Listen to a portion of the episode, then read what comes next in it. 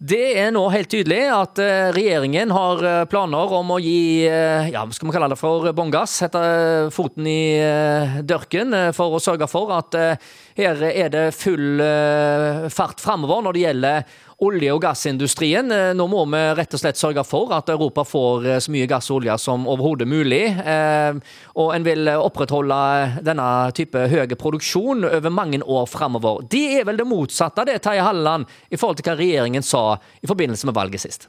Ja, vi har fått litt uh, forskjellige tilbakemeldinger på hva egentlig uh, regjeringen eh, ønsker å, å gjøre. Men eh, heldigvis så, så vedtok vi en skattepakke i, tilbake i 2020.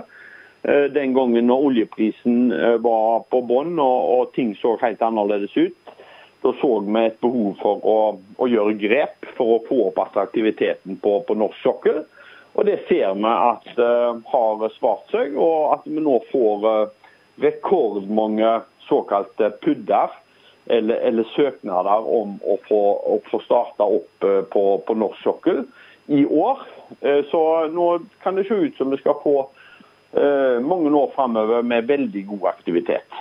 Ja, og 26. konsesjonsrunde den fikk SV i Hurdalsplattformen utsatt. Det blir ikke noe av det i år, ser det ut til, eller kan det bli framskynda det òg nå? Eller er det sånn at SV sier nei til å hjelpe Europa? Eh, nå, eh, nå, sier nok eh, SV i alle fall nei til 26. konsesjonsrunde. Det har de fått regjeringen med seg på. Vi har utfordra de på flere spørsmål, og vi har også hatt representantforslag oppe om å øke Eller få, den utlysningen tidligere. Har òg utfordra de på om de kan da forsikre oss om at den kommer i 2023, sånn at næringen kan belage seg på en forutsigbar politikk òg framover, eh, der en gjør eh, areal tilgjengelig for, eh, på, på, på, norsk sokkel for å fremdeles lete etter olje og gass. Det får vi dessverre ikke svar på. Så, så hvordan dette vil nå gå framover Regjeringen sier at det skal komme en runde. Vi vet at vi har et SV som vil nekte de den runden. Og så gjemmer de seg veldig bak at det er TFO-ene som, eh, som, nå eh, er det konsesjonsregimet som er, er, best. Eh, noe som for så vidt har vist seg de senere åra, at disse tillatelser som er i kjente områder, i motsetning til konsesjonsrundene som er nye områder, så har det de senere åra blitt at oljeselskapene har prioritert å å lete i, i kjente områder. Og, og, Det har du kunnet gjort gjennom disse her såkalte TFO-rundene. Men skal vi nå få inn nye arealer, eh, så er det viktig at vi, vi får ut 26. konsesjonsrunde.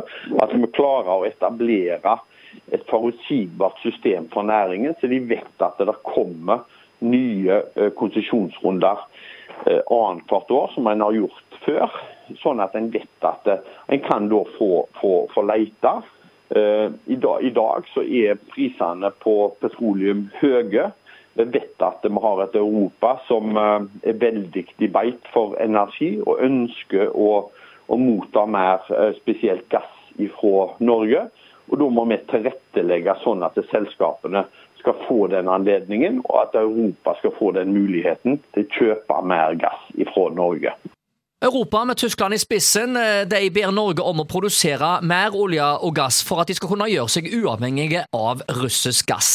Men så er det jo sånt eh, i politikken i Norge. SV er et støtteparti som krever at en reduserer aktiviteten på norsk sokkel. Så nå må regjeringen rett og slett eh, ta en avgjørelse her. Skal vi hjelpe Ukraina og Europa, eller skal en sitte på sin høye hest her i Norge og si nei til å hjelpe. Takk for at du var med oss der, eh, Terje Halleland, Frp.